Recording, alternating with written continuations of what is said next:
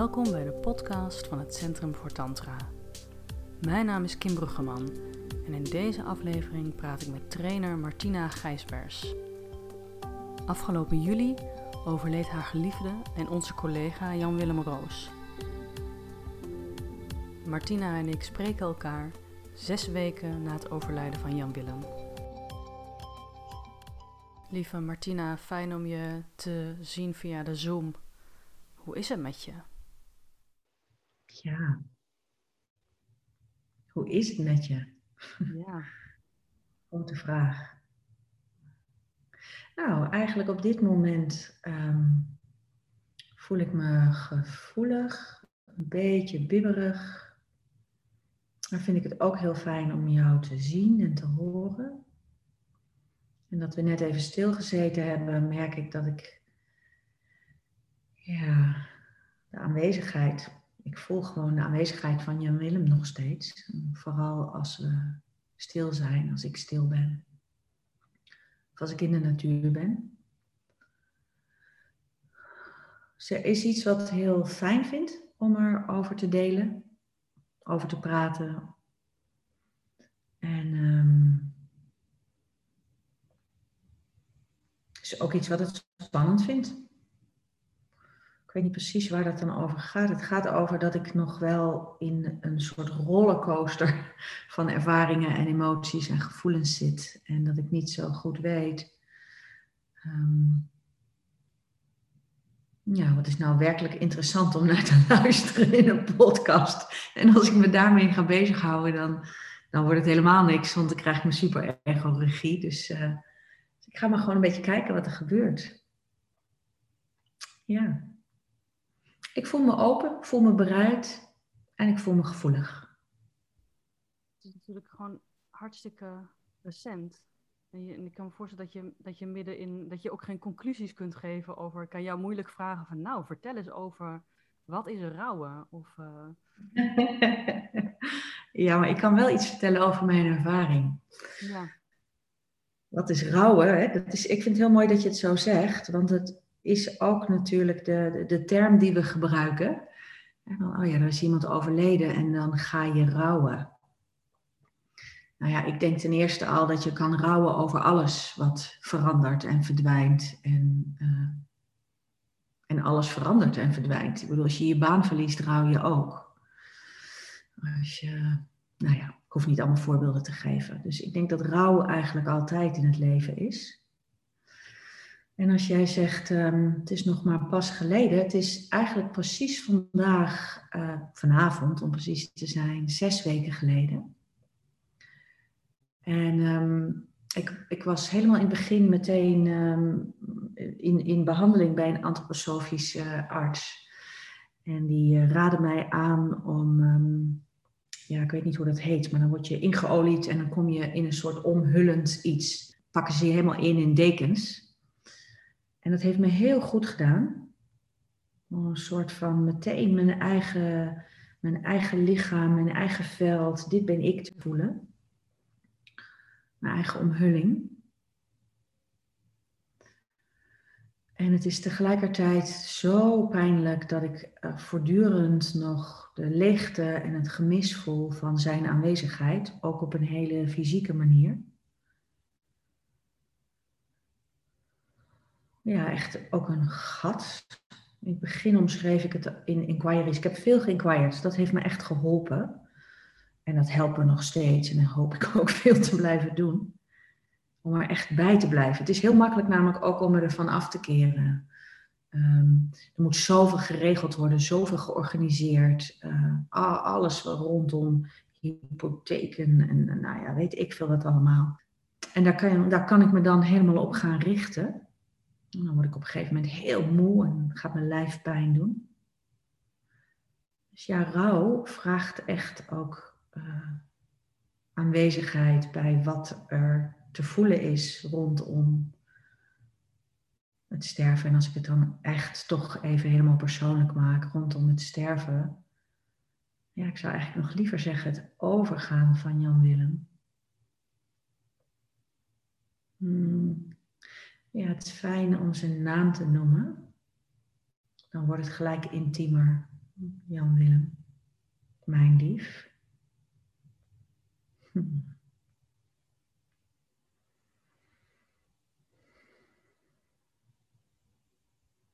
En ik vind het zelf bijzonder om te voelen dat er echt verschuiving is. Ik was begonnen te vertellen over die antroposoof, omdat in de antroposofie hebben ze iets met zes weken, geloof ik, na het sterven. En de Tibetanen iets met 40 dagen of, of 45 dagen, ik weet het niet meer precies. Maar ik voel dat ook. Ik voel dat er iets van verschuiving is naar iets makkelijker of iets directer in mijn eigen lichaam te voelen. En aanwezig te blijven voor wat zich toont, wat ochtends in ieder geval vaak hele scherpe pijn is. Bonsend hart, een soort angst.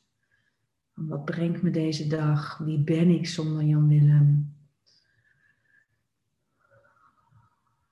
Nou, dus er zijn zoveel lagen die ik nog helemaal niet doorvoeld heb, maar die ik wel kan benoemen als, als opkomen. Wat ik ook bijvoorbeeld zelf heel heftig vind, is dat ik een, regelmatig gedacht heb, nou, ik wil zelf ook dood. Dan ga ik naar de retraite leven en dood volgende week.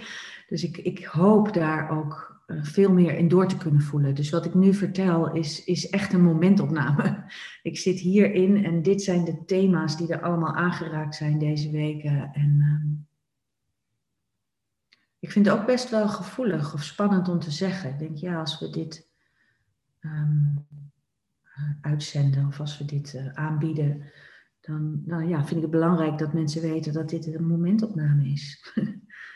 dat het een fase is. Ik kan ook voelen dat het een fase is, want als ik daarin inquire, dan, ja, dan val ik heel snel er doorheen en dan voel ik dat dat iets is van een gefrustreerde ego-laag die aangeraakt wordt. Van ja, nou dan hoef ik ook helemaal niks meer, dan wil ik ook niet meer. Omdat ik het zo eng vind om te voelen wie, wie ik ben eigenlijk zonder Jan Willem. we waren natuurlijk 30 jaar samen. Dat is ook echt niet niks. En toevallig vanochtend toen ik wakker werd en dacht aan dit gesprek wat we zouden gaan doen, ehm, moest ik denken aan een sessie die we hadden toen we echt een flinke relatiecrisis hadden. Toen, hadden we, toen, toen waren we nog niet op het tantrapad. Dat is echt uh, eh, 23 jaar geleden of zo. Ja, iets meer misschien nog. Seven year age denk ik nu. Oh ja, zo waren we zo'n zeven jaar samen. En toen... Ehm, was ik bij iemand dat deed ze elke weer rolfing, geloof ik. En ze deed van alles aan mijn lichaam. En op een gegeven moment ging ze dan vragen over, over mijn relatie, want dat was mijn uh, hulpvraag. En ze vroeg iets van, uh, ja, waarom zou je bij Jan Willem willen blijven? En toen zei ik iets van, uh, nou, meteen eigenlijk heel spontaan, om te groeien. En toen zei ze, waarom zou je weg willen? Ja, omdat het te veel pijn doet, omdat ik het te moeilijk vind, omdat ik het te lastig vind. Om... En daarna vroeg ze, wat is er goed aan om te blijven, om toch in de relatie te blijven? En toen zei ik, weer groeien. En ik moest daar vanochtend aan denken en ik krijg nu weer helemaal kippenvel, want dat is wel ja, wat ik zo ontzettend rijk vond aan onze relatie. Dat we allebei wel committed waren aan um, groei. En dan heb ik het niet over uh, economische groei of uh, uitbreiding van het gezin of überhaupt een gezin beginnen. Ik heb het echt over een innerlijke groei.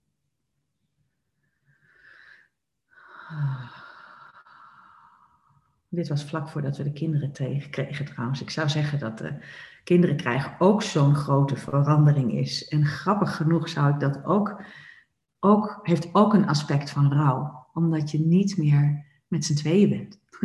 omdat je relatie definitief verandert.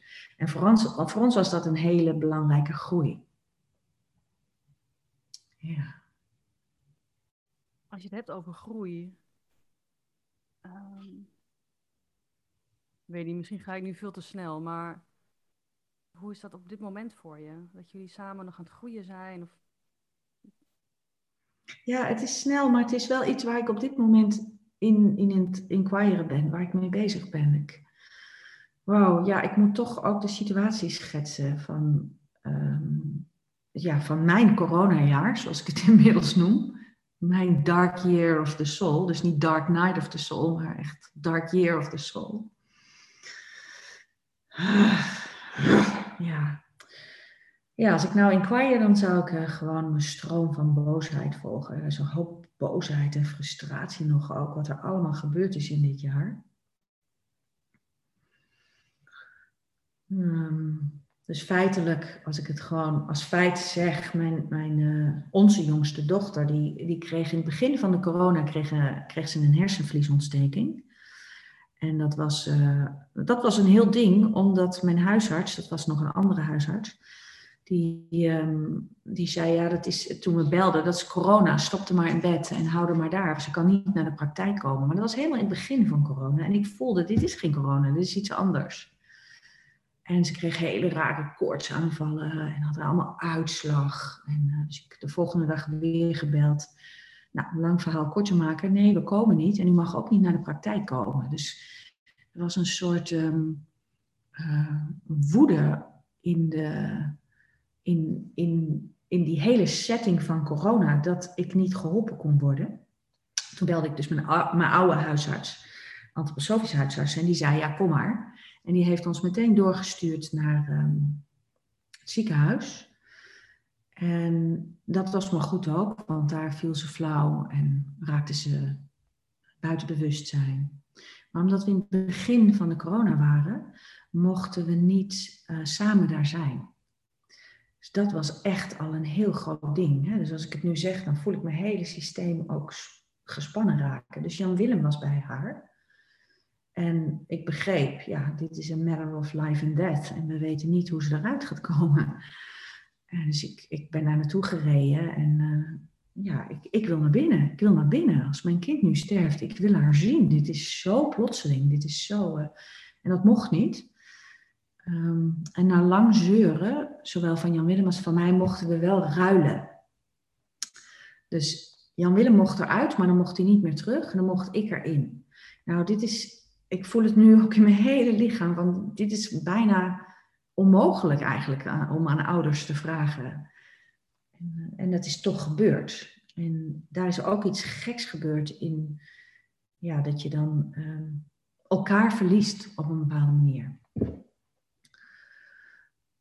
Nou, ik, ga, ik zal niet het hele verhaal van, van, uh, van Christijn verder vertellen, behalve dan dat ze uh, na een aantal hele spannende dagen er uh, uitgekomen is. En ze heeft er wel een uh, immuunstoornis aan overgehouden. Ik ga daar nu niet over uitweiden, maar de reden waarom ik dit vertel is dat er een moment was dat ik voelde, als ik nou maar, ik was aan het zingen, ik was aan het bidden, ik, was van alles aan het doen om te zorgen dat ik dacht, ik help Christijn terug te komen hier op aarde in haar lichaam. Want het voelde echt alsof ze de lichaam verliet. En um, toen moest ik eruit. En toen liep ik door het bos. En um, toen belde ik een vriendin. En ik was dat aan het vertellen. En ik voelde van ja, ik moet er ergens ook loslaten. Want anders kan er niet gebeuren wat er moet gebeuren.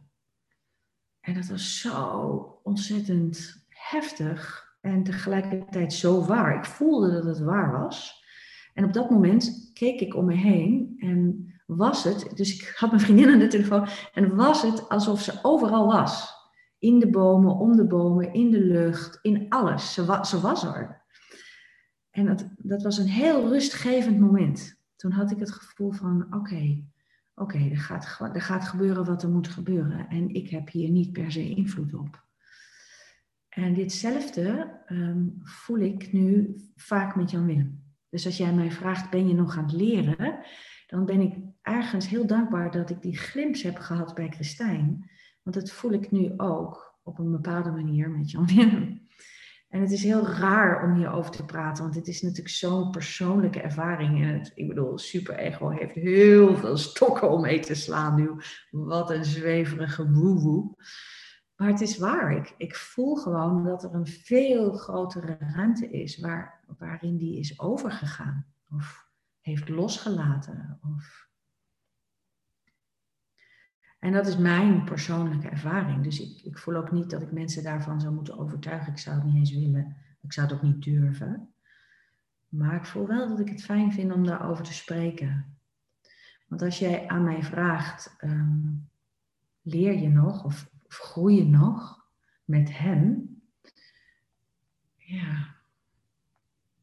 ja, er zijn nog meer lagen trouwens waar dat speelt. Dan is dit één laag. Ik kan voelen, oké, okay, er is een groter, er is een groter, ja, hoe noemen we dat? een groter geheel waar, waar, waar we naar overgaan, waar we allemaal naar overgaan. Jan Willem is mij voorgegaan, maar mij gaat dit ook gebeuren. Het gaat ons allemaal gebeuren. En dat vind ik alleen al een hele grote realisatie. Oh ja. Dus daar leert hij mij ook. En het is niet per se hij, maar het is wel dat hij de poort is voor mij op dit moment. Ja.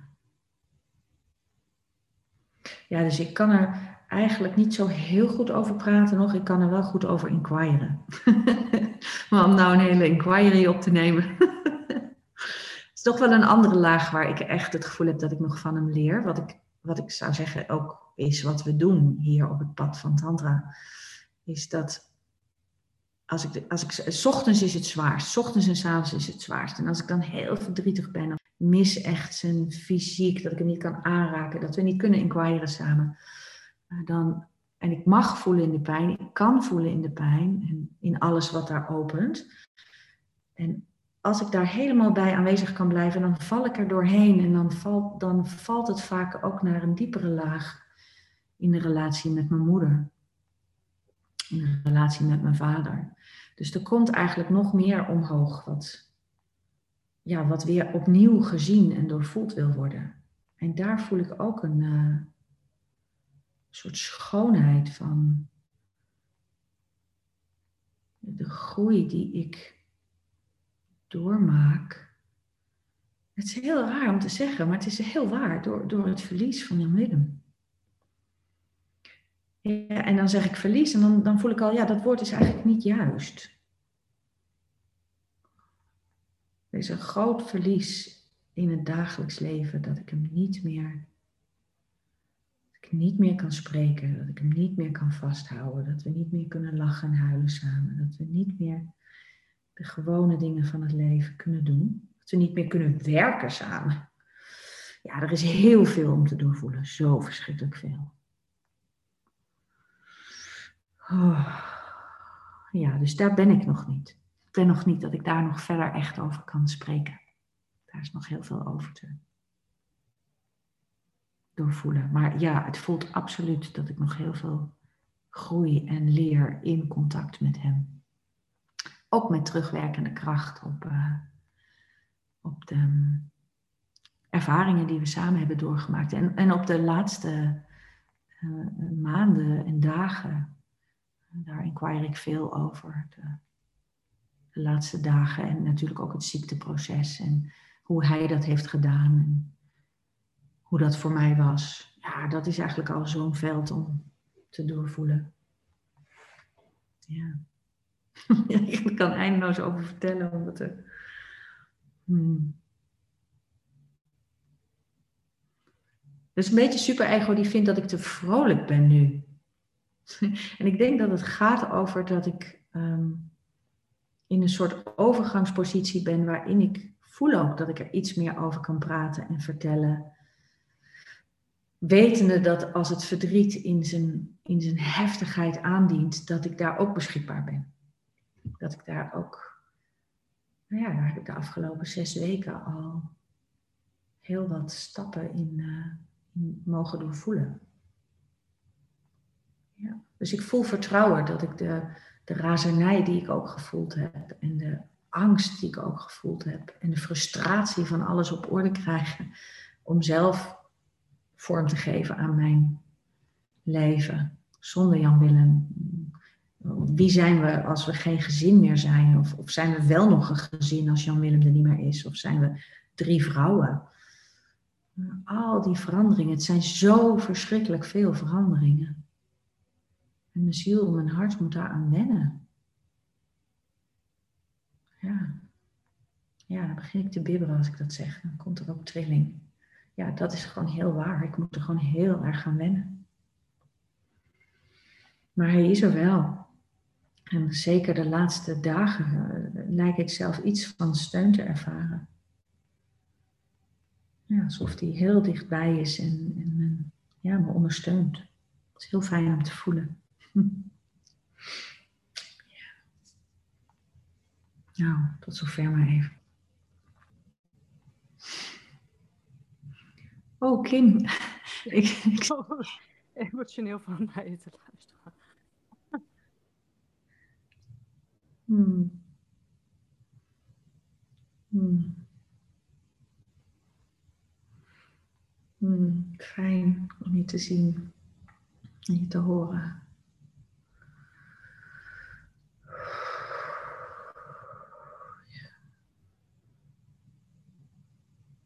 Hmm. Ja, er komt nog iets op over wat ik denk dat me. Er is iets meer voelbaar weer van de liefde. In, de eerste weken. Ja, de eerste dagen was vooral ook een soort lichtheid voelbaar. Om, en vooral net na het sterven, omdat het toch eh, voor hem volgens mij helemaal goed was. Niet dat hij, hij wilde helemaal niet sterven. Hij wilde absoluut, absoluut blijven leven.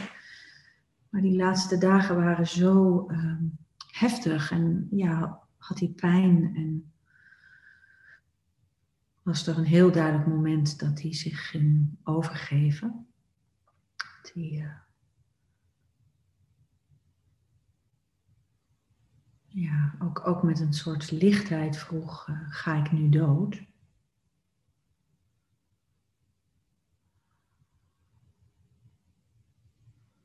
Ik twijfel een beetje om hierover te vertellen vanwege ook de intimiteit en de, de privacy van de mensen die daarbij waren. En ook de privacy van Jan Willem. Dus ik ik voelde, ik, ik voel dat ik daar niet verder inhoudelijk op dit moment iets over wil zeggen. Maar ik wil wel iets zeggen over dat er een soort lichtheid was. Dat hij ergens kon. Uh, probeerde steeds meer los te laten en zijn lichaam te ontspannen. En ja, hij liet echt steeds meer lichaamsdelen vallen, zou je kunnen zeggen. Uh, je, je, je zag hem als het ware verdwijnen op een bepaalde manier. En dat was uh, ontroerend en ook bevrijdend om te zien. Ik vond het bevrijdend om te zien omdat hij uh, al die weken en maanden daarvoor uh, geïnquired had dat hij zo bang was over de aftakeling. En de echte aftakeling was dus eigenlijk ja, niet eens zo akelig als aftakeling zijn lever faalde en dat, en dat zag je gebeuren en je zag hem geler worden. En, maar de, het sterven zelf was eigenlijk vier dagen, wat je dan de aftakeling zou kunnen noemen. En daarvoor was er wel aftakeling, maar zijn spirit was nog zo alive dat wij echt allemaal dachten, dat gaat nog een hele tijd duren. De huisarts zei zelfs nog, eh, nou dat kan nog wel een aantal weken duren.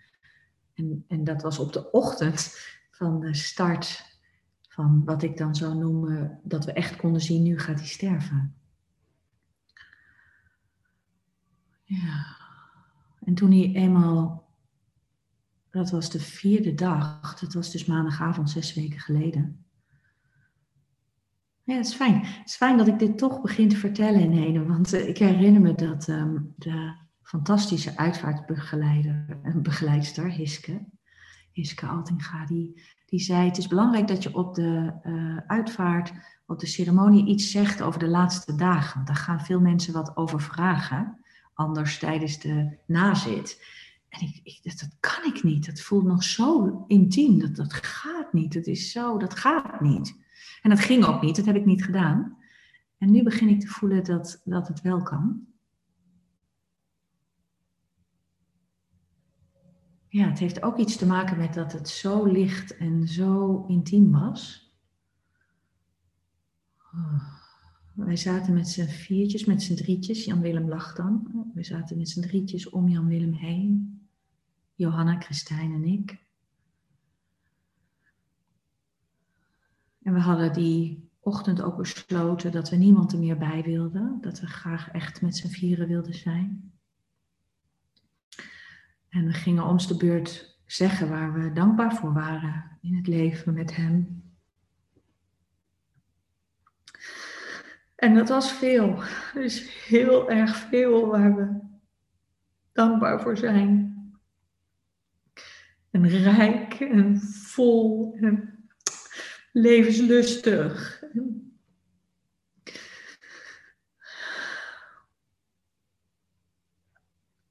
En het was heel fijn om ook de kinderen dat te horen vertellen en mezelf het te horen vertellen en elkaar te horen.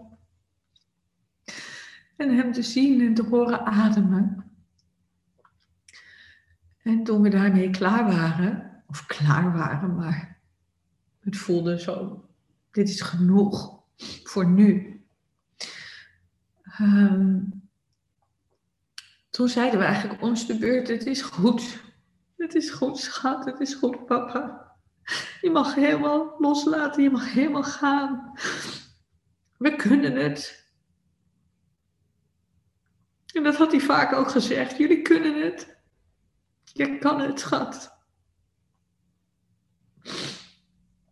Dus dat was heel fijn. Het was heel ondersteunend en rijk. En, en toen hadden we dat gezegd. En toen liepen de meiden eigenlijk vrij licht en blij de keuken in.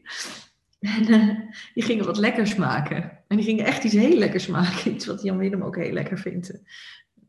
Gebakken, hoe noem je dat? Geroosterde aubergine met granaatappelpietjes en een yoghurtsaus. En ja, dingen die Willem heel lekker vond. En hij lag in het bed en, en wij zaten, ja, ik denk dat er anderhalve meter tussen zat aan tafel. Maar we waren echt even helemaal met z'n drietjes. En echt aan het genieten van het eten.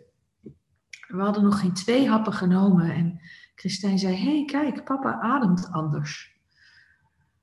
Toen ging ik uh, erbij zitten en toen zei ik, oh meisjes, we moeten erbij komen zitten. En we gingen erbij zitten en we legden onze handen op allerlei plekken neer. En het was echt zo stil en zo vredig. Hij ademde echt heel rustig in en heel rustig uit.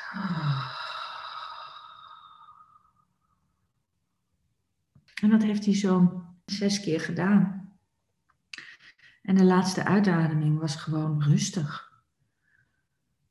En er was stilte en heel veel lichtheid. En we waren ook stil.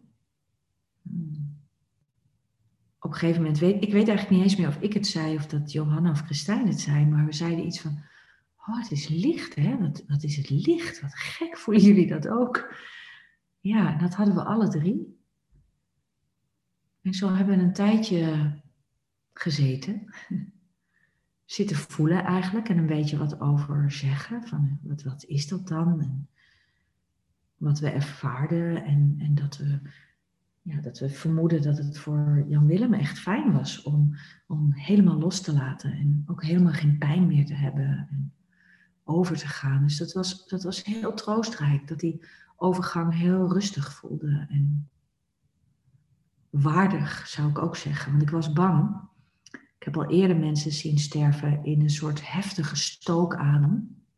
Dus ik was bang dat hij dat zou gaan doen, omdat hij, omdat hij weerstand had om te sterven. Maar dat was daar niet meer.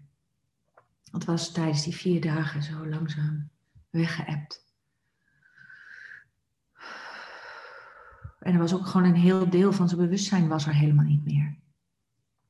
Dus dat was fijn. En toen ging de deurbel. en toen deed ik de deur op. Ik zei, nee, je, bent niet, je komt niet op het juiste moment. Het was de, de ik wou zeggen, de kraamhulp. het was de, hoe heet zo iemand? De thuiszorg. De thuiszorg. En het was een onwijs lieve jongen die al een paar dagen bij ons was geweest. En hij, hij nam het helemaal, het was zo tof. Hij zei, goed, dan ga ik even in de auto zitten en dan laat maar weten als ik binnen kan komen. Dus dat voelde ook zo alsof alles meewerkte om dat echt helemaal te mogen nemen, dat moment. En als ik er nu over praat, dan, dan voel ik ook die, die, die grote alom aanwezigheid. Ja, opgegaan in een grotere aanwezigheid wat ik net al zei, ik weet niet of het Jan Willem is. Ik, ik voel gewoon het besef van een veel grotere aanwezigheid. En Jan Willem is daar. Zo voelt het. En hij voelt ook nog heel dicht bij mij. Dicht bij ons. Ik weet niet meer waarom ik dit aan het vertellen was. Jij had een vraag gesteld. ik kan hier nog eindeloos over vertellen. ja. Ik weet eigenlijk ook niet meer waar, wat hier aan vooraf ging. ik ben... Dat weet ik wel. Jij moest huilen, dat zag ik. Daar was ik door geraakt. En... Ja. Ja. Ja, ja, ja. Ja, wat ik, wat ik heel uh, bewonderenswaardig vind, is hoe je, hoe je erover kunt spreken. Wat je deelt en hoe je erover deelt, vind ik echt. Mm. Ja. Ja. Het is, van, het is van een hele grote schoonheid, waar ik ook heel, door, heel erg door geraakt ben. Dus, mm. Ja, ja. Ja, de mensen die met mij inquiren, die weten dat, het, uh, dat ik er niet altijd op deze manier over kan praten. Ik voel ook dat ik er naartoe groei om er meer zo over te praten. En ik voel ook dat ik het fijn vind, omdat ik. Ehm, ja, ik voel me zo dankbaar voor het leven dat ik met Jan Willem heb gedeeld. Ja, ik heb al een paar keer gezegd tegen mensen, hij is wat mij betreft mijn uh, ja, redding, moet je dat zeggen. Uh, op het moment dat ik Jan Willem ontmoette, uh, was er echt een hele grote shift in mijn leven. En ik, ik, ja, dat heb ik ook vaak tegen hem gezegd. Heb ik het gevoel dat ik ben gaan leven eigenlijk. Dat het daarvoor vooral overleven was. En dat ik daarna en een gezin heb mogen krijgen met hem en dit werk heb mogen doen. Het klinkt alsof het allemaal fantastisch en leuk was. Helemaal niet hoor. We hebben waanzinnige relatiecrisissen gehad. En daarom zijn we ook hier terechtgekomen bij het Centrum voor Tantra. Daarom zijn we jaren in Plum Village geweest. Ook met de kinderen. Het centrum van uh, Thich Maar we hebben dat pad gekozen samen. We hebben het niet eens gekozen. Het, het ging. We deden. En ja, ik wil hem, daar, ik wil hem daarin eren. En uh, ja, ik, ik, voel de rijkdom en de, en, de, en de vruchten die ik, op, die ik ontvangen heb van het leven met hem. En ik had hem heel erg graag de oogst waar, waar we nu aangekomen waren gegund. Ja, en dat is denk ik waarom ik dit ook graag wilde doen. Omdat ik het belangrijk vind dat uh, de rijkdom die, die in ieder geval voor mij is geweest, uh, uh, benoemd is, gehoord is, gezien is voor de kinderen. En nou, zoals ik mag zien aan de hoeveelheid bloemen en kaarten en prachtige brieven die we ontvangen, waar, waar, waar nog niet eens alles in gelezen is, want het is zoveel ja, heeft die voor veel mensen ook iets betekend. En ja, dat, dat is heel rijk, waardevol voor me. Ja, ben ik heel blij om. Ja. Ja. En dus dit gekke coronajaar. En het ziek worden van Christijn, haar immuunziekte, het overlijden van mijn moeder. Het gebeurde allemaal in dit jaar. Het ziek worden van Jan Willem. Het was zo overweldigend veel. En we zijn daar met zoveel liefde doorheen bewogen. Dat is ook wat ik, uh, wat ik koester en waar ik heel dankbaar, dankbaar voor ben. Met heel veel steun en heel veel ja, steun van mensen uit de, onze community. Ja heel dankbaar. Ja.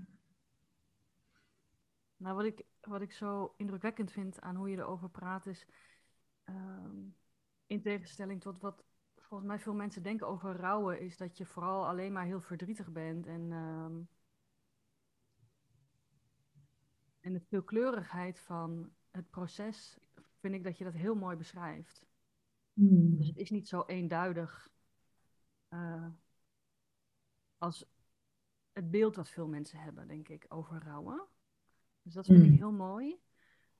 En dan komt de vraag in me op van hoe het pad dat jullie samen, wat je zegt niet gekozen hebben, maar wat gewoon zich ontvouwd heeft, hoe helpt mm. jou dat?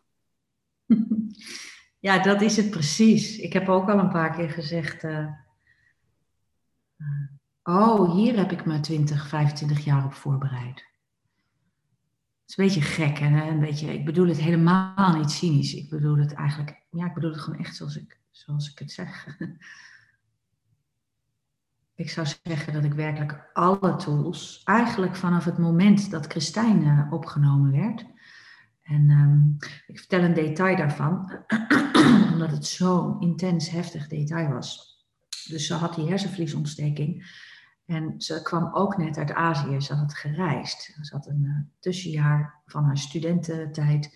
En ze had gereisd en ze kwam terug. Dus de artsen waren ook wanhopig van, ja, wat is er met haar aan de hand? Dus ze gaven dus zo'n beetje alles wat je maar kan geven aan antibiotica, prednison, de hele flats. En het ging niet weg. Het werd niet minder.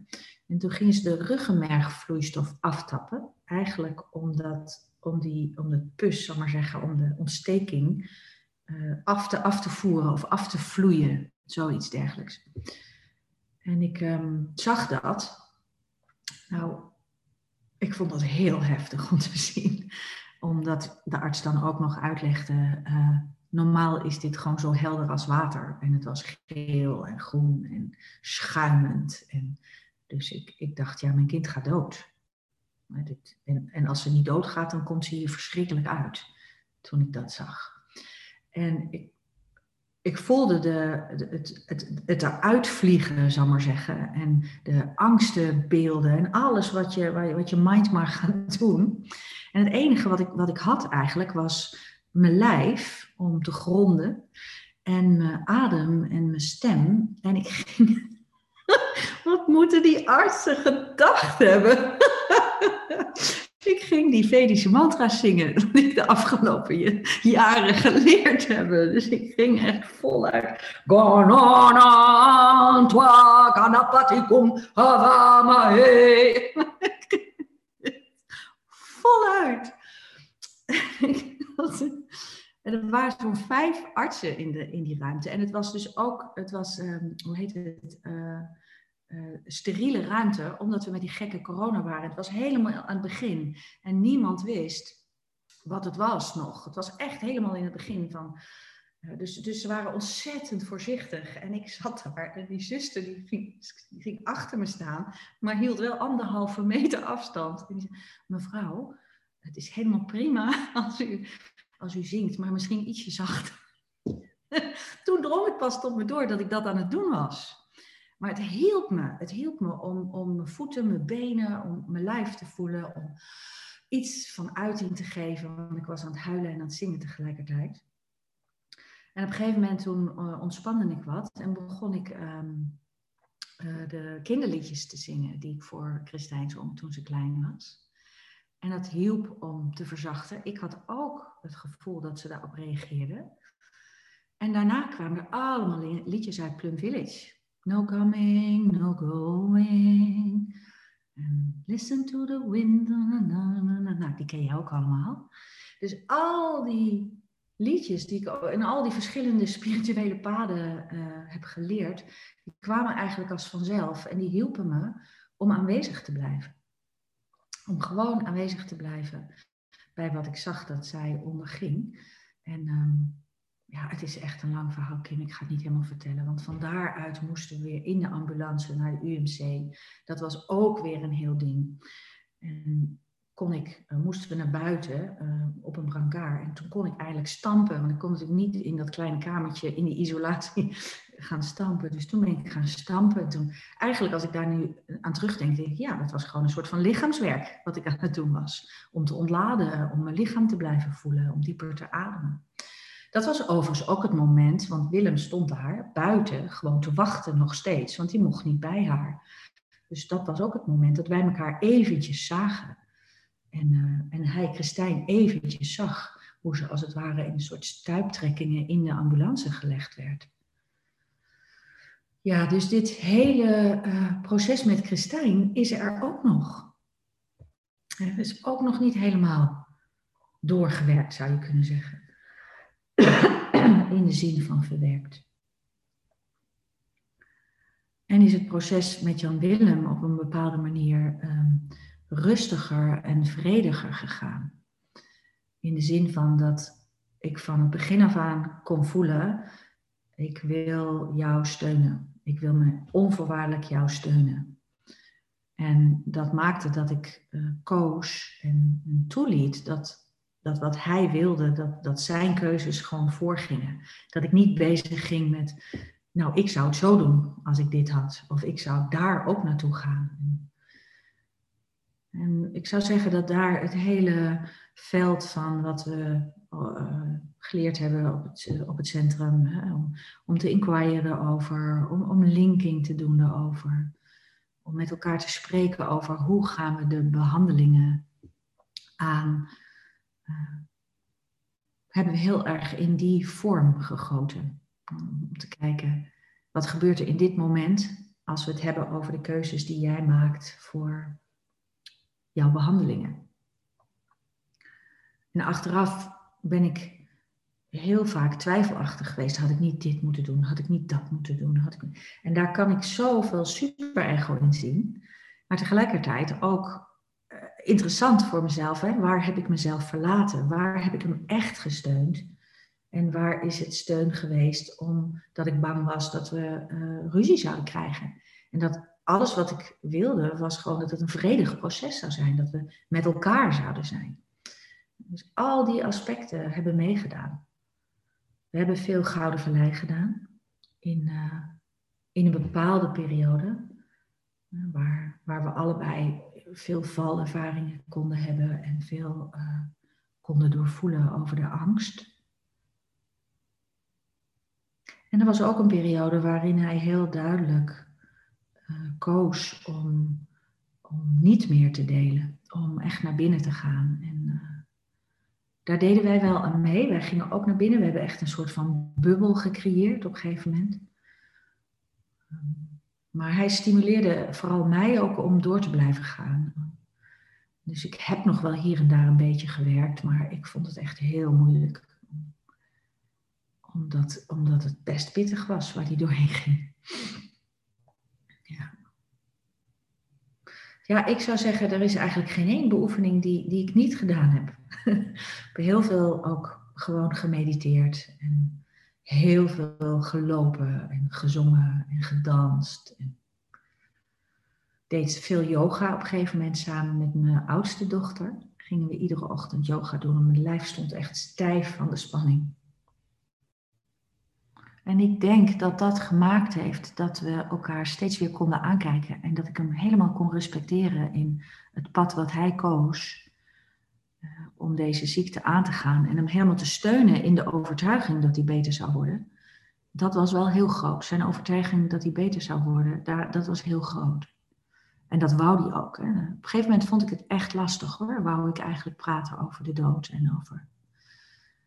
Uh, hoe het is om hem te verliezen. En dat ben ik met anderen gaan doen. Want dat wou hij niet. Dat vond hij echt moeilijk. En er zijn wel momenten dat we dat wel gedaan hebben, maar niet in de hoeveelheid die ik dat graag had gewild.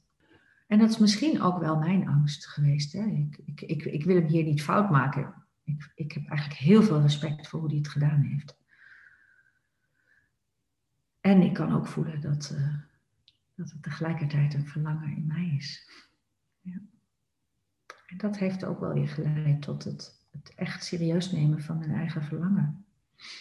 En, en dit proces ook volop en voluit te doen. Ja. En dat maakt dus ook dat ik naar leven en dood ga. Uh, volgende week. Ja. Ik voel ook echt de, het verlangen om ja, daar in ieder geval echt zonder afleiding, zonder um, verantwoordelijkheid voelen voor mijn kinderen, verantwoordelijkheid voelen voor ons bedrijf hier, de open ruimte. Gewoon echt alles te mogen loslaten en gewoon te kijken hoe, hoe dat is.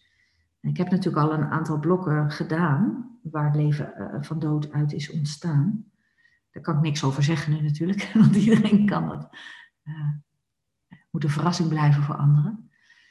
Dus daar heb ik ook veel aan gehad. Ja, dus er is ook zoveel dankbaarheid geweest dit jaar.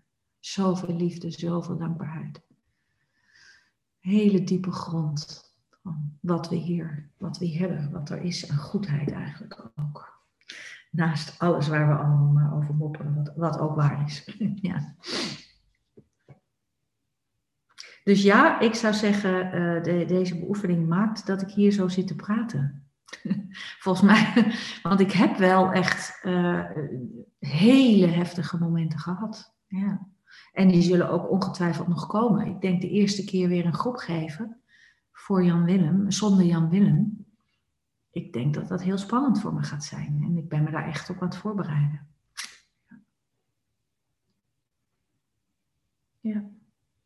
Wat ook heeft geholpen, vind ik heel erg leuk om te zeggen, is, ehm, en ook wel op aanmoediging van Jan Willem, is, is meteen dat we de eh, ceremonie hebben gehad. Meteen daarna zijn we met onze camperbus uh, erop uitgegaan. En uh, zijn we naar Zuid-Frankrijk gereden. En hebben we met z'n drietjes nou, gekampeerd. En ja, heel veel gepraat en gevoeld en gehuild en geschreeuwd. En ja, in de natuur geweest. Dat is ook zo helend. Vroeg me af hoe je met je dochters bent. Oh, oh, oh, ik denk meteen, mama, dit gaat niet op Facebook. Mama, dit gaat niet op podcast nu. we hebben jarenlang hier nooit gezegd dat we tantra deden. Omdat we, ja, de kinderen naar de vrije school en toen uh, onze dochter Christijn klein was, toen zei ze een keer in de kleuterklas, toen de juffrouw vroeg, en Christijn, wat ga jij doen met vakantie? Nou, wij gaan blootlopen en we gaan naar de monniken. dus toen vroeg die juf in de middag ook, wat, wat, wat hebben jullie gedaan van de zomer? en we waren dus gewoon op een naturistencamping en we zijn bij Plum Village geweest. nou, we gaan blootlopen en we gaan naar de monnik. dus er is iets dat, dat ik nu ook denk, ik, ik, ik praat er graag over en ik inquire er heel graag over, want er is, het is een heel, een heel proces om dit te doen, want zij hebben een heel ander proces dan ik.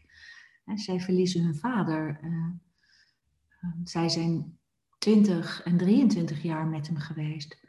Ik 30. Het is niet om het te vergelijken, maar gewoon om een beeld te schetsen dat ik, dat ik ook voel van. Um, ja, ik kan er wel iets over zeggen als ik het helemaal bij mezelf hou. Want ik voel wel dat het voor hun niet fijn is als ik dingen over hun ga zeggen. Maar voor mij persoonlijk. Ja, dit is eigenlijk heel leuk om te zeggen. Zij zeiden op een gegeven moment tegen mij. Nou, twee, twee dingen die ik heel leuk vond. Christijn die zei, uh, nou, ik ben de helft papa en Johanna is de helft papa. Dus samen zijn we papa. Dus als je bij ons bent, is er helemaal papa. Nou, dat vond ik een heel lief beeld. En zij zei ook, nee, Johanna is dat denk ik die gezegd heeft. Uh, um, welke kwaliteiten, welke eigenschappen van papa vond jij nou zo fijn? Vond je nou zo mooi? Daar zijn we dan een beetje zo over gaan praten. Zegt ze, nou dan kan je er toch steeds één uitkiezen. En dan ga je dat helemaal proberen te zijn. Of helemaal proberen te oefenen. En dat ben ik aan het doen. En dat vond ik zo'n mooie suggestie. En een van de dingen is uh, luisteren. Jan Willem kon echt goed luisteren. ik maakte wel eens een grapje, je kan niet goed luisteren, je kan goed je mond houden. het is ook waar dat hij goed kan luisteren. en um, ik kan wel heel snel zijn met praten en reageren. En als ik iets met hun aan het oefenen ben nu, dan is het uh, langer stil zijn, proberen goed te luisteren, spiegelen ook, teruggeven wat ze gezegd hebben. En um, nou, ik zou zeggen, dat is echt ook een van de pareltjes die, die, die ik echt als een hele diepe commitment voel. Van ja, ik, ik gun hun dat ook. Want zij moeten dat missen. Hun vader die op die manier zo goed kon luisteren. Ja, dus zo heb ik een heel rijtje met eigenschappen van Jan Willem die, uh, die ik leuk vind om te beoefenen. Ja.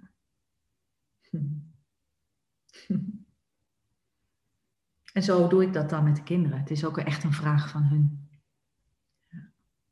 Maar over hoe zij in het proces zitten en wat zij meemaken, daar zeg ik op dit moment liever niks over. Dat voelt me gewoon meer ja, als privacy eh, voor hun. Ik geniet wel erg van ze. Ik ben echt heel dankbaar dat we zo eh, langzaam en echt mooie stapjes hebben gemaakt. Eerst samen weg, toen zij, uh, Christijn alleen weg, Hanna alleen weg, alle drie alleen. En nu weer samen een paar dagen. En gewoon die hele beweging van wie zijn we zonder Jan Willem? Hè? Zijn we, ja, wat zijn we? Hoe voelt dat? Dat zijn we echt aan het oefenen. Ja, dat voelt heel goed. En, en, en met familie Roos ook, dat het gewoon zo bijzonder is dat we uitgenodigd worden om langs te komen. En dat daar een soort band en beweging is eh, die, die ontstaat hierdoor. Dat is heel ontroerend. Ja. En ook uit de community. Ik ben echt ontroerd eh, en blij met de steun die er komt. Ja. Had ik echt niet verwacht. Niet, niet zo van, ik verwacht dat, dus dat komt. Maar het, het komt echt als een gift, als een, als een geschenk. En dat maakt deze periode uh, mogelijk om gewoon aanwezig te blijven bij alles, alles wat aandient. Ook, ook hele diepe angst en hele diepe pijn. van kunnen we hier blijven wonen? Kunnen we, uh, er is zoveel onzekerheid. Kan ik mijn werk, kan ik mijn werk überhaupt doen zonder Jan Willem? Er is zoveel onzekerheid. En ja, dat geeft soms intense angst. Maar dat er zo'n grote omhulling is en zoveel steun, ja, geeft vertrouwen. Ja. En uh, dat is niet iets wat ik uit mijn jeugd meegekregen heb. Dus dat is heel bijzonder om te mogen ervaren. Ja. ik moet gewoon heel erg denken aan mijn eigen uh, jeugd ook, die heel erg in het teken stond van rouwen. En uh, mijn moeder, die werd heel jong weduwe. En ik ben, toen ik heel klein was, mijn vader verloren. Toen ik vijf was. En ja, ik vind het gewoon heel, zo inspirerend om naar je te luisteren. Omdat het bij ons was rouwen echt, dat, dat hing gewoon mijn hele jeugd uh, als een soort, als een zware deken op ons.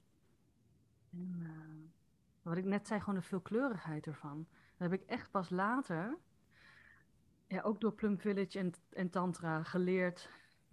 Ja, de veelkleurigheid van het verliezen van, van je geliefde. Ja, en wat, wat je dat leert en hoe je daar mee kunt zijn. Maar dat, ja, dus ik vind het zo inspirerend om, om naar je te luisteren. Het was gewoon zo anders toen ik klein was. ja, ik denk wel ook echt de beoefening. Ja, we zijn ook zo bezig met ego-dood. En als je, als je helemaal alleen maar blijft in, in dat deel, hè, dat ego-deel wat verliest, wat zijn man verliest en wat alle ja. omstandigheden en eh, gewoon omdat het niet kan. Hè? niet om, om je moeder fout te maken of om iemand fout te maken. Maar gewoon omdat je die teachings, die rijkdom van die teachings nooit hebt mogen ontvangen. Dat je het nooit uh, allerlei beoefeningen hebt kunnen doen om, om het lijfelijk te ervaren. Dat het ook werkelijk jouw ervaring is en jouw waarheid wordt. Dat, dat is wat we doen. Dat is, dat is waar, waar het pad over gaat, dat we doen. Ja. En ik vind het in Tantra zo mooi dat het ook ook in die extremiteiten van de emoties, ehm, eh, dat, dat daar een heelheid is en, en dat we daar doorheen kunnen bewegen. En dat we in, in transformatie kunnen zijn. Dat ja. alchemie mogelijk is. Ja. Uh, mits we maar aanwezig blijven, vol aanwezig blijven bij, bij al die ervaringen. Ja. ja. In die zin zie ik het ook echt als een hele rijke periode. Het is echt wel best. Ik ben zelf ook verbaasd hoor dat dat mijn mond uitrolt nu. Want daar was ik uh, drie dagen geleden niet. maar ik kijk nu terug ook doordat jij erbij bent. En dat ik begin te zien en dat er iets begint te keren. Nou ja, dit, dit, dit, hele proces gaat nog een hele tijd duren. Maar het wordt wel milder. Eh, of milder is denk ik ook niet het woord. Ik ga te snel nu, denk ik.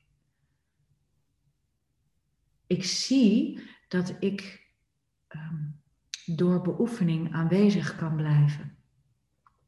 En niet de afslag sla nu van, ja, bijvoorbeeld van ik wil ook dood. Om maar, hè, wat ik in het begin, eh, nou dan wil ik ook dood. dat is natuurlijk een, een vervorming van het ego. Eh, om daar maar steeds bij te blijven, steeds eh, in te doorvoelen, dat, dat doet een hoop. Ja, dat maakt zeen op een bepaalde manier. Dat geeft een soort geestelijke gezondheid. Wat in mijn leven een belangrijk issue is, omdat in mijn geschiedenis daar uh, veel in is gebeurd. ja.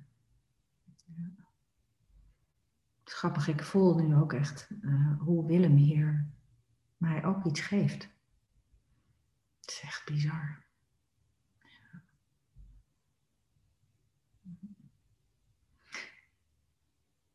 Als vijfjarige is natuurlijk ook echt iets heel anders. Hè? Heb je natuurlijk alleen heel erg die fysieke.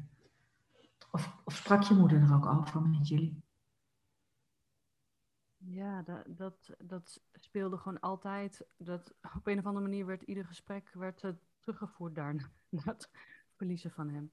Dus dat is gewoon, het is gewoon immens geweest voor haar en voor ons. En, want, want het was gewoon een andere tijd en een andere plek.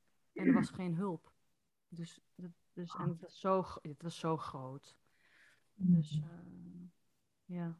Dus we hebben daar op onze eigen manieren mee gedeeld, maar ja, en zo optimaal mogelijk gedaan. Maar dat, uh, ja, mm. ik zie gewoon, uh, ik zie gewoon de sporen die het nalaat als je niet weet om het helemaal te nemen. Mm. Ik denk dat ik het zo het beste zeg. En inderdaad ook niet om mijn moeder fout te maken. Die heeft het gewoon fantastisch gedaan in haar eentje. Ook bizar inderdaad. Gewoon wat een life-changing iets. En dan in één keer in je eentje. Nou, Met kleine kinderen dus. Kleine kinderen, ja. Ja, dus ook heel anders natuurlijk weer. Het is heel anders. Maar ik moet gewoon heel erg denken aan, aan, aan mijn jeugd als ik jou zo hoor. En uh, mm. Ja, het belang van het weten, van het bewustzijn hebben op mm -hmm. hoe je dit kunt ervaren, dit proces. En uh, hoe je dit kunt nemen en pakken. Ja, en ik, wat ik ook voel is de, de rijkdom van spirituele beoefening. Hè? Dus het is iets anders dat je in therapie gaat, omdat. Ja. ja, ja. Maar spirituele beoefening is iets wat je door je leven heen doet om al die dingen die in het leven gebeuren te kunnen verwerken. Precies. Ja, ja, ja. Of aan te groeien zelfs, waar we mee begonnen zijn. Ja. Dat, ja. Ja, en wat je zei in het begin ook, dat verliezen, dat, dat rouwen, dat het onderdeel is van, van het leven. Dat je het eigenlijk zoveel manieren en momenten doet. Uh, ook kunt, kunt, kunt doen als je het ziet. Ja, ik herinner me een vriendin die vertelde over, die ging echt door een diepe rouw um, rond het uh, verlaten van uh, de kinderen van het ouderlijk huis, zeg maar. Hè, dat ze alleen bleef met haar partner. En um, ja, dat heb ik dus nu in één keer. Dus ik heb onze jongste die weggaat. En, en Jan Willem. Dus ik, ik heb gelijk een helemaal uh, empty nest. Oh ja, empty nest syndroom, hè? zo noemen ze dat. Dat ik, ik zou dat op geen enkele manier willen vergelijken, maar juist wel helemaal uh, dat je mag nemen wat, wat bij jou aandient. En, en dat dat vaak ja, daar zit dat superego zo bovenop. Hè? Van ja, oh ja, nee, eh, dat is pas echt erg. Ik weet dat ik helemaal in het begin, dat ik zo ontzettend verdrietig was en echt, echt nog helemaal niks uit mijn handen kwam. En toen kwam dat nieuws over Limburg. En toen kon ik echt voelen de pijn van al die mensen wat daar, en al die mensen die daar gestorven zijn ook. Dat ging gewoon mee in dat verdriet. Dus die, die compassie die bleef gewoon stromen. En op een gegeven moment begon mijn mind dus te zeggen van nou, dan valt dat van jou ook wel mee. en toen dacht ik, nee, nee, nee, nee, nee, dit gaan we niet doen. Blijf bij je ervaring, Martina. En nou, dat, dat zou. Volgens mij kom je daar niet op als je geen beoefening doet. Volgens mij word je dan heen en weer geslingerd door al die stemmen in je hoofd en al die aannames en concepten en hoe je het zou moeten doen en wat je zou moeten voelen. Dat is trouwens prachtig ook. Uh, mijn jongste dochter die zei op een gegeven moment, ik vertelde iets over wat ik dan gelezen had inderdaad over na zes weken bij de antroposofen of na zoveel dagen bij de Tibetanen. Dat ze zei, ik wil dit niet meer horen mama. Ik wil niet dat iemand mij vertelt hoe ik papa mis of niet mis. Ja, prachtig. Dacht, yes! en tegelijkertijd, voor mij is het een steun. Dus voor mij zijn al die, al die dingen zijn richtlijnen. Maar wat we in Tantra natuurlijk beoefenen is je persoonlijke waarheid, je persoonlijke ervaring. daar, heb je, daar heb je aan te groeien. wat voor zin heeft het om het maar allemaal aan te nemen en er dan naar te leven? Dan wordt het gewoon weer zo'n rijtje concepten wat je afwerkt. ja. In die zin kan ik zeggen, was het een, uh, een heel, uh, ik wil er bijna een grapje over maken. Een jaar vol groei mogelijkheden. Ja. ja. Nee, ik denk dat ik hier nou misschien wel de rest van mijn leven mee bezig ben. Wat ik dit jaar allemaal heb meegemaakt. en hoe ik daar zo goed mogelijk aan, aan heel en rijp. En, ja. Maar dat weten we niet. Kan nog allerlei kanten op met het gekke milieu en weet je. Ja. Het is grappig, er is een verhaaltje, zo'n zo'n soort zen-verhaaltje waar ik nu aan moet denken, wat Willem heel vaak zei. Oh, ik wou dat ik het kon reproduceren nu. Ik kan het niet reproduceren. Shit. Maar het gaat in ieder geval over dat alles altijd verandert. Ik moet het gewoon uh, opzoeken voor je. Het is te mooi. Ja, het is te mooi eigenlijk naar aanleiding van. Ik zou zeggen, Jan Willem leefde hier echt mee. Hij leefde echt op die manier. En als ik nu de clue vertel, is het niet leuk. Volgens mij moet het er maar gewoon in een pdfje bij.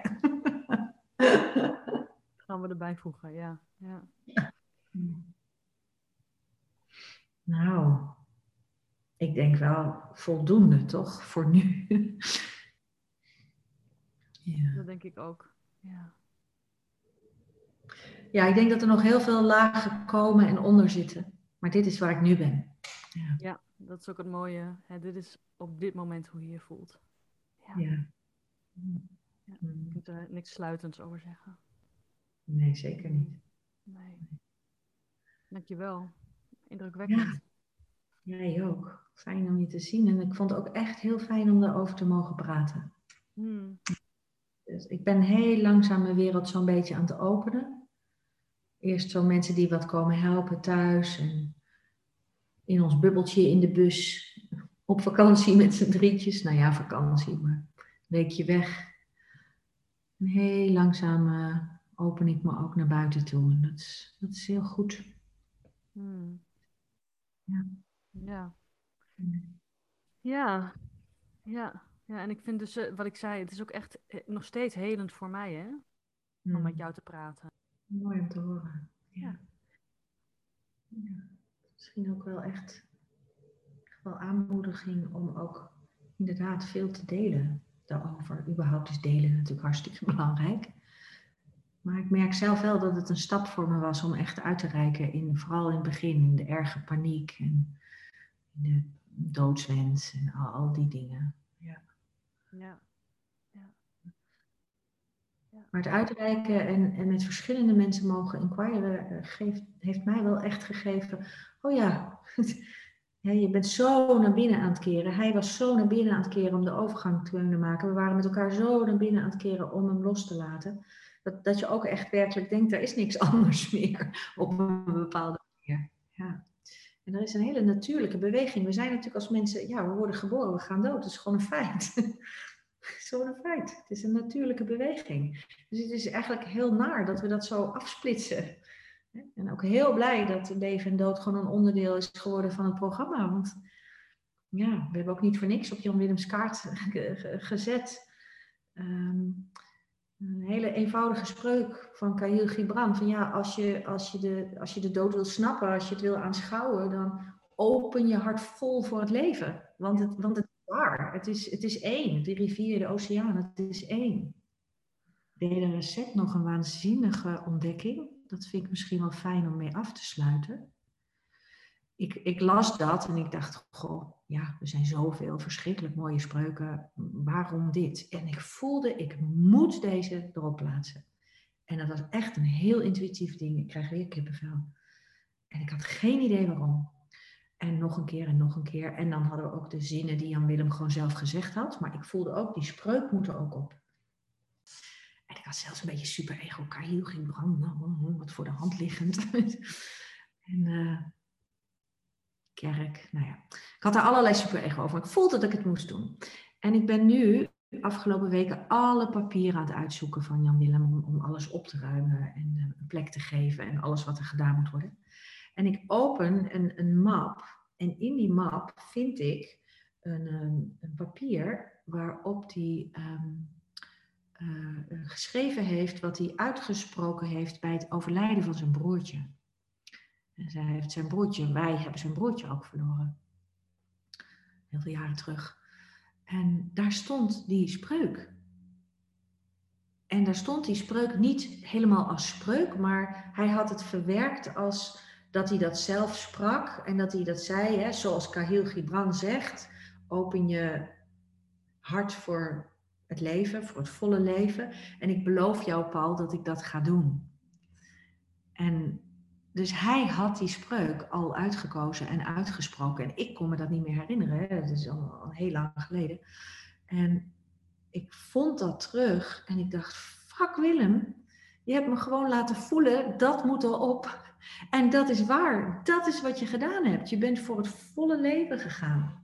Dat is wat je gedaan hebt. Van het begin tot het eind. In ieder geval, zolang als ik je ken, van het begin tot het eind. Dus ik ben daar zo blij mee dat ik dat intuïtief gedaan heb. En het voelt zo rond en zo kloppend. Ja. Ja. Dus ik voel veel respect voor ook hoe die zijn, uh, zijn ziekteproces gedaan heeft. Dit was gewoon zijn keuze. Ik ga vol voordat ik beter word. En op het moment dat hij zich besefte dat dat niet ging gebeuren, heeft hij zich overgegeven. En dat is wat het is. Ja. Dankjewel, lieve schat. Ik vind het fijn om je te voelen. Mm. Nog steeds te voelen. Dankjewel, Kim. Ik vond het heel fijn om over hem en over dit proces te mogen praten. Mm. Om me vereerd om naar je te luisteren en dat je dat tegen me wilde vertellen.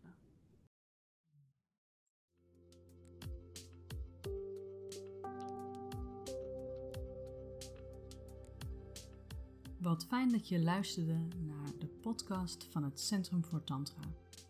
Voor meer informatie over wie we zijn, hoe we werken en wanneer er welke groepen gegeven worden, ga je naar centrumvoortantra.nl.